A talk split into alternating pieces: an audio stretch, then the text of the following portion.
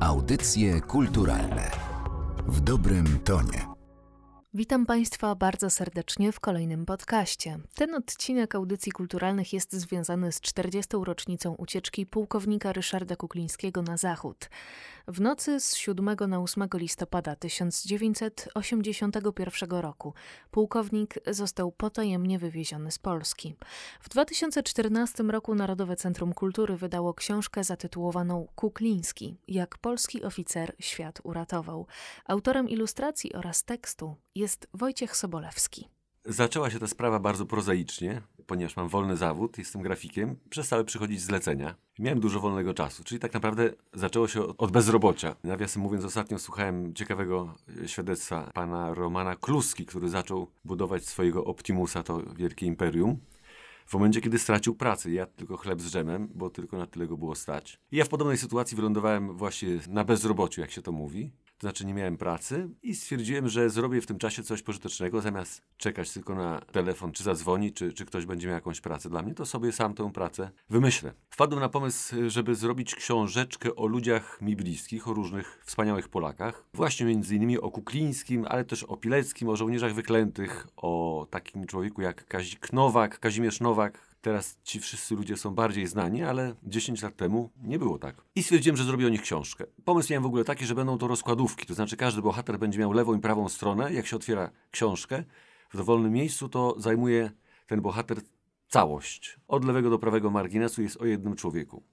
I pierwszą scenę narysowałem, była to narada oficerów dowódców państw Układu Warszawskiego przed taką wielką mapą, gdzie są rozmieszczone grzyby symbolizujące eksplozje atomowe i stoi tam pułkownik Kukliński i takie grzyby przypina na tej mapie. To miała być pierwsza historia. I jak ją narysowałem, to w jednym momencie pomyślałem sobie, no nie, no nie mogę tylko tyle napisać o Kuklińskim, bo nie da się w pięciu zdaniach o nim napisać, a nawet w 50 zdaniach. Jest to tak niesamowita postać, bo ja ją trochę znałem. To trzeba pociągnąć. W rezultacie nie zrobiłem książki o tych wspaniałych Polakach, tylko zrobiłem właśnie książkę, która była rozwinięciem tej jednej planszy z pułkownikiem Kuklińskim. Powstała taka historia w 33 obrazach. Ja nie wiem, jak to dobrze określić, bo nie jest to komiks, nie jest to album. Ja nazywam to, że jest to historia w 33 obrazach. Książka jest właściwie już tytułem swoim mówi wszystko to, co chciałem powiedzieć, ponieważ tytuł brzmi pełny Kukliński jak polski oficer świat uratował. Jeszcze powiem taką anegdotę związaną z, z okładką tej książki. Parę lat temu usiłowałem znaleźć tę książkę gdziekolwiek w internecie, żeby sobie kupić kilka egzemplarzy. I znalazłem na Allegro te książki, z tym, że było napisane, że jest to praca zbiorowa, dlatego że moje nazwisko jest tak wkomponowane w tę okładkę, że właściwie mało kto je zauważy. Ja trochę się ukryłem jak Kukiński. Na podstawie książki Mikołaj Kamler stworzył animację, którą od 5 listopada mogą Państwo obejrzeć na profilu YouTube oraz Facebook Narodowego Centrum Kultury. W rolę narratora wcielił się Piotr Frączewski. Ja robię na ogół animacje, które reklamują książki na przykład albo tego typu rzeczy, gdzie dostaję jakieś gotowe ilustracje, więc to nie jest dla mnie nowość zupełna. Natomiast tu, w tym przypadku, te ilustracje są tak skrótowe i przedstawiają to za pomocą takiego plakatowego podejścia, które jest, można powiedzieć, na antypodach tego, co, co się robi w animacji. Dlatego, że w animacji coś się dzieje w jakimś czasie, rozgrywa się jakaś akcja, która ma jakiś początek, jakiś koniec, coś wynika z czegoś. Już nawet nie mówię o tym, że tu między tymi rozkładówkami musi istnieć jakaś też więź, bo kiedy otwieramy książkę, to przerzucamy z jednej strony na drugą i nie musimy mieć żadnego przejścia, no bo my robimy to przejście, przerzucając strona po stronie. A jak oglądamy animację, no to musi być coś, co sprawi, że to nie będzie szereg slajdów, tylko że to będzie jakiś jeden ciąg.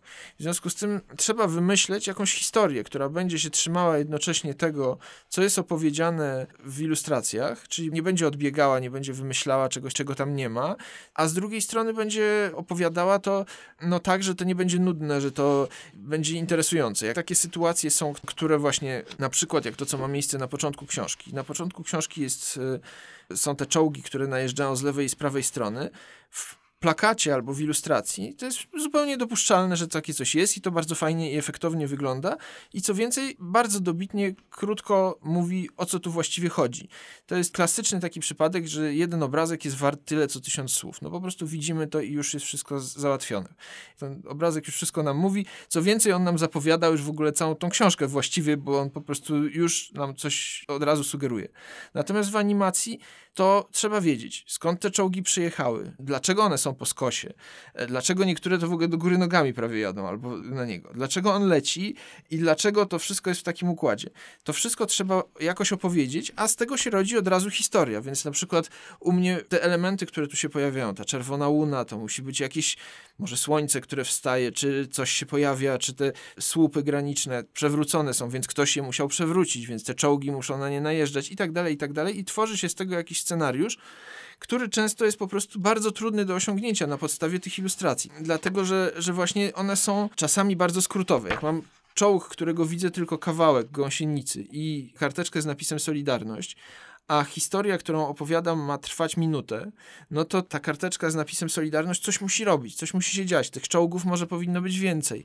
A właściwie to może one skądś powinny wynikać, skoro wcześniej mamy inwazję tych wszystkich pojazdów ZOMO, no to, no to może to powinno skądś z tego wynikać. I tak w ten sposób powstaje scenariusz. Na podstawie tych ilustracji nagle okazuje się, że, że ja muszę zacząć myśleć trochę poza tymi ilustracjami. Zanim ocalił świat od wojny, sam przeżył jej piekło. Gdy miał dziewięć lat, Niemcy i Rosjanie napadli na Polskę. Nową granicę ustalili na rzece Bóg, choć na początku miała biec wzdłuż Wisły, dzieląc Warszawę na pół. A właśnie w Warszawie mieszkał nasz bohater. Miał na imię Rysiek. Muszę powiedzieć, że jedna rzecz, która była też dla mnie takim magiczną zupełnie historią, to jest taka, na chwilę zaczepię o detale techniczne. Wojtek zrobił te ilustracje w technice, czy też w programie do grafiki wektorowej. Ten program do grafiki wektorowej pozwala na to, że można te obrazki skalować, powiększać i dzięki temu na przykład mam taką sytuację w tym filmie, że widzimy wizjer drzwi od więzienia na Rakowieckiej. Przez ten wizjer możemy wjechać do tego więzienia, potem wyjechać ponad murem i przejechać aż do okna, w którym siedzi pułkownik Kukliński i mamy zbliżenie na to, jak on sobie tam siedzi. W związku z tym mogę zacząć robić rzeczy, no właśnie filmowe z tych ilustracji, gdzie mogę mieć jakieś szeregi soldatów radzieckich, które maszerują, dlatego, że Wojtek tak fajnie zrobił te ilustracje, że one są, ja dostałem je od niego w wersji takiej, że je mogłem podzielić na części i właśnie no, wykorzystać to w taki sposób, żeby zrobić całą jakąś przestrzeń wypełnioną tymi rzeczami. Te czołgi z Leninami, moja ulubiona ilustracja, absolutnie taka, którą bym chętnie sobie powiesił na ścianie i to są te, te jadące w czołgach Leniny, gdzie ja po prostu mogłem właśnie powielić tego jednego Lenina i on tam jechał i pędził, to była dla mnie taka zabawa, dzięki temu właśnie, jak to technicznie było do zrobienia. No, ciekawe przejście, naprawdę. I czasami wynikają z tego historie, na przykład jest jedna ilustracja, która zupełnie nie wiedziałem, co z nią zrobić. Jest na samym początku, to jest ilustracja, gdzie jest ojciec Kuklińskiego, znaczy to jest wątek dotyczący ojca Kuklińskiego i tych Żydów dwojga, dwojga i są te okna i nijak zupełnie mi to nie szło, żeby to zrobić tak, jak to na tej ilustracji jest. Udało mi się w tych ilustracjach, nie dodając nic od siebie. Z tych elementów, które tam zostały użyte, tylko że ja mogłem je użyć niezależnie, jak tam jest jakaś latarnia, czy jakieś okno, czy coś takiego, to mogłem je wyjąć i zmontować z tego coś innego. Z tych elementów, które tutaj są, udało mi się zrobić ulicę, na ulicy żołnierzy, jakieś tam latarnie i postaci, które tam się pojawiają, i jakąś kamerę, która krąży po tym wszystkim i nagle po prostu z tego znalazłem jakiś ekwiwalent filmowy, więc to jest ciekawe po prostu dla mnie doświadczenie, którego bym chciał kiedyś opowiedzieć moim studentom animacji, których uczę gdzie jest ta różnica właśnie? W którym momencie należy powiedzieć sobie, nie można tego robić tak dosłownie, nie można tego przełożyć tak po prostu, że od jest ilustracja i ona się będzie ruszać i tak dostałem zlecenie tutaj, jak dostałem zlecenie, żeby zrobić ten film, no są te ilustracje, to, to pan nimi porusza i tu będzie wszystko w porządku, tylko trzeba zrobić coś zupełnie własnego, więc to było bardzo ciekawe doświadczenie. Tu jest śmieszna rzecz To jest plakat autentyczny, który ja projektowałem na przyjazd Kuklińskiego do Polski. I po latach, kiedy robiłem tą książkę, oczywiście nie miałem go już. I mówię, gdzie ten plakat? Skąd ten plakat? No nie ma szans, żeby go wyczarować. I pojechałem do mojego kolegi, właśnie Andrzeja Papieża, który jest zapalonym zbieraczem, e, bibliofilem. Andrzej miał, zaprowadził mnie do swojego takiego królestwa, a w tym królestwie ma wszystko. To znaczy zbiory jego są ogromne, monstrualne. Moich plakatów miał 30. Zbiera wszystko na potęgę, jest takim bibliofilem, ale też plakaty, ulotki. Wszystkiego brał zawsze w opór, po ileś tam sztuk, nie wiem, na wymianę z kimś czy coś. I tych plakatów miał cały gruby plik. Więc jeden z nich mi dał, wspaniałomyślnie, i, I on tutaj trafił, nie? Więc to jest ta scena śmieszna, że to jest właśnie lotnisko i tak dalej, szlaban, granica. I jest ten Kupliński tutaj z tego. To jest oryginalny ten plakat, nie? Tymczasem Ryszard zdobywał kolejne szczeble wojskowej kariery. Ukończył szkołę oficerską. Zdobył doświadczenie służby w jednostkach wojskowych. Odbył studia w Akademii Sztabu Generalnego. W ścisłym kierownictwie armii zajął się planowaniem wielkich ćwiczeń wojskowych.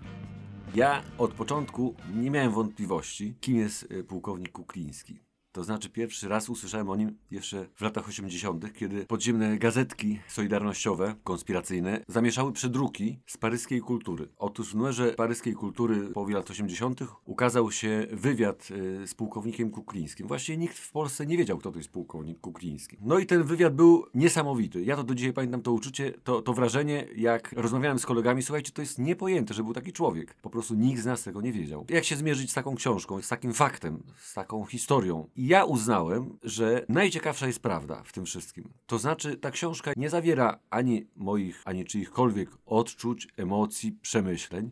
Uznałem, że fakty są tak niesamowite, tak przemawiają na korzyść pułkownika Kuklińskiego, że nic tylko spisać fakty. Jak najbardziej lakonicznie. To znaczy konkretnie.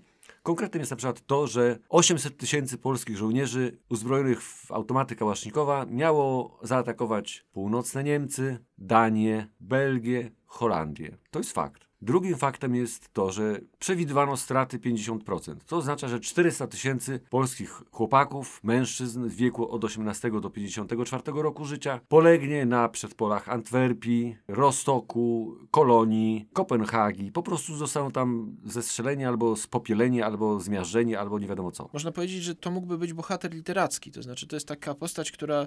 Ty mówisz, że to są fakty, y, które podajesz w tej książce, ale te fakty są tak piorunujące, że masz uczucie, że obcujesz z bohaterem literackim, że to nie jest e, postać z krwi i kości prawdziwa, tylko że to jest bohater, że to jest Konrad Wallenrod, że to jest ktoś tam, ktoś tam, pełno tropów, które odchodzą do naszej wcześniejszej jakby powiedzmy doświadczeń polskich kulturowych, a współcześnie tego rodzaju postaci powiedziałbym nie są zbyt mile widziane, dlatego że współcześnie takie mam wrażenie, dominuje taki jakiś model pewnego rodzaju ambiwalencji takiej, że no, no każdy był trochę umoczony, każdy był trochę nie w porządku, no i tak dalej. I jeżeli się mówi o pułkowniku Kuklińskim, no to w takim razie dobrze jest podkreślić to, że on, no jednak, no tak, no ale przecież jednak był tym oficerem wojskowym, no i jednak tam przecież na te grzyby przy, tam przyczepiał na tej tablicy, przecież dochrapał się tego stanowiska i domku i wszystkiego i jachtu i w ogóle tego.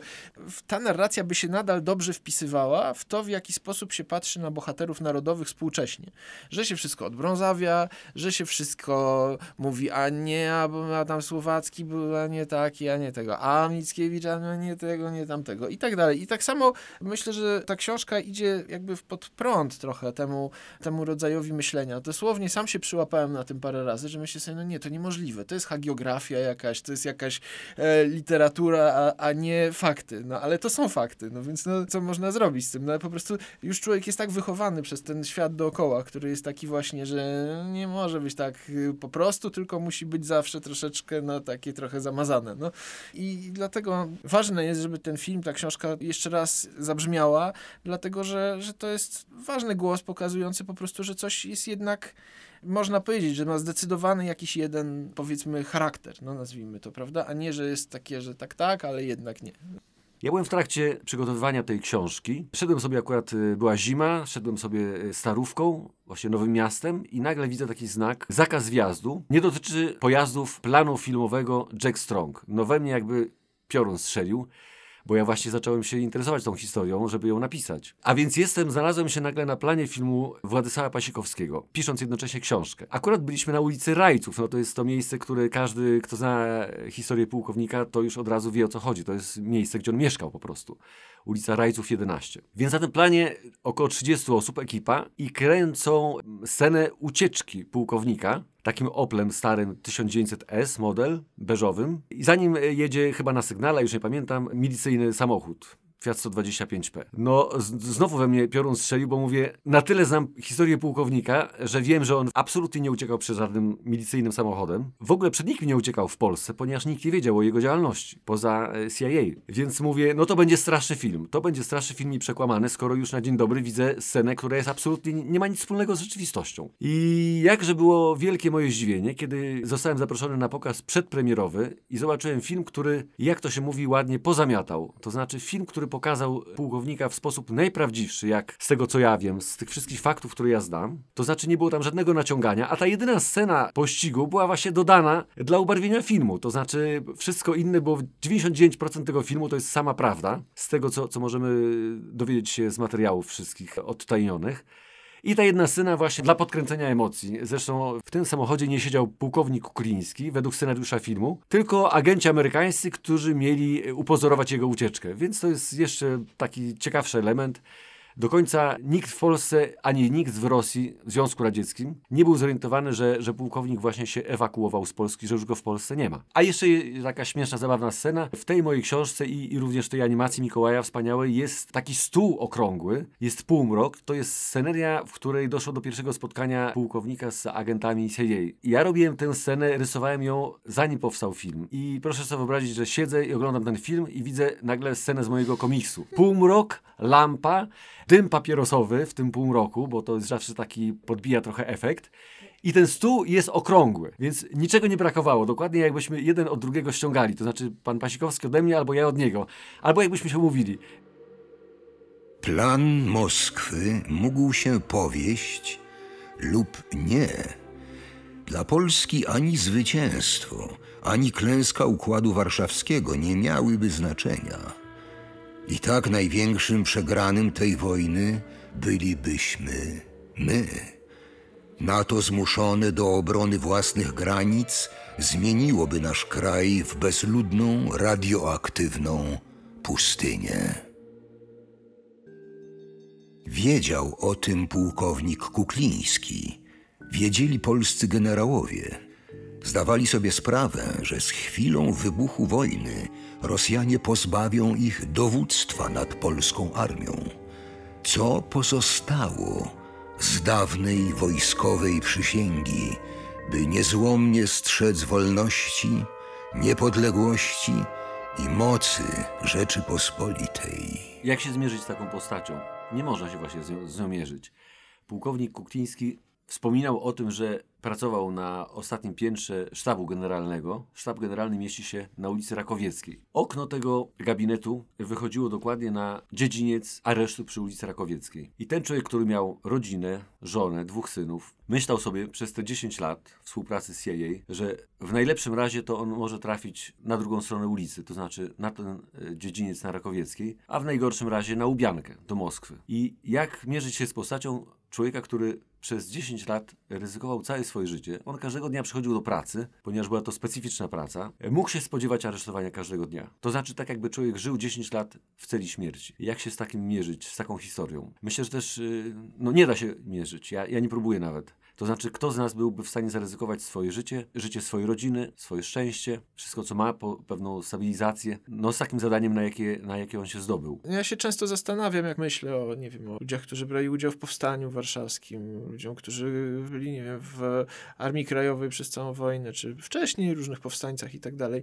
Co ja bym zrobił na ich miejscu? Co zrobiłbym, gdybym się znalazł w takiej sytuacji, że, że musiałbym podjąć taką decyzję, którą bym wiedział, że ona będzie dobra, ale może niekoniecznie dla dla mnie bezpośrednio, tylko po prostu w jakiejś szerszej perspektywie. I, I to jest często bardzo trudne do podjęcia, zwłaszcza jak się, nie wiem, właśnie człowiek doroślejszy i ma rodzinę i coś tam, i coś tam, i obrasta różnymi rzeczami i, i ta decyzja jest coraz trudniejsza do podjęcia, więc ja myślę o tym po przeczytaniu wielokrotnym tej książki, po obcowaniu z tym i animowaniu tego wszystkiego. Myślę po prostu o tym, że to jest taki jakiś wzorzec, który jest e, dla mnie osobiście, ja postrzegam jako niedościgniony, dlatego że ja sobie po prostu nie potrafię postawić siebie w takiej sytuacji. To znaczy, nawet nie konkretnie pułkownika Kuklińskiego, tylko w takiej sytuacji, gdzie by było coś tak postawione na ostrzu noża. To znaczy, że po prostu podejmuję decyzję w pewnym momencie, która zaprowadzi mnie gdzieś raczej w niedobre miejsce, a być może przyda się w jakiejś szerszej perspektywie właśnie. Takie podejście naprawdę bohaterskie, można powiedzieć, które jest po prostu bardzo trudnym, no myślę, dla takiego człowieka. Dlatego ja też patrzę właśnie, jak czytam tą książkę, myślę sobie, przychodzi mi do głowy słowo hagiografia, zupełnie nie, nie ironicznie, tylko właśnie w takim kontekście, że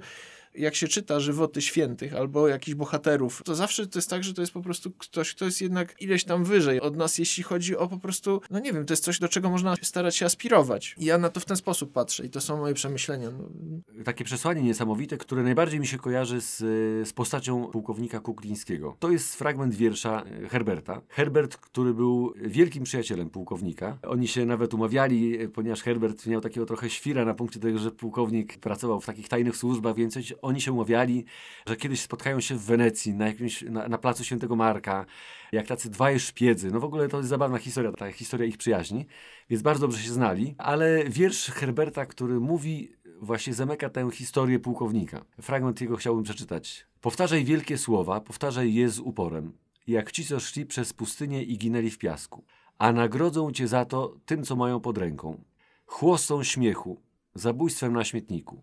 Idź, bo tylko tak będziesz przyjęty do grona zimnych czaszek, do grona twoich przodków, Gilgamesza, Hektora, Rolanda, obrońców królestwa bez kresu i miasta popiołów. Bądź wierny, idź.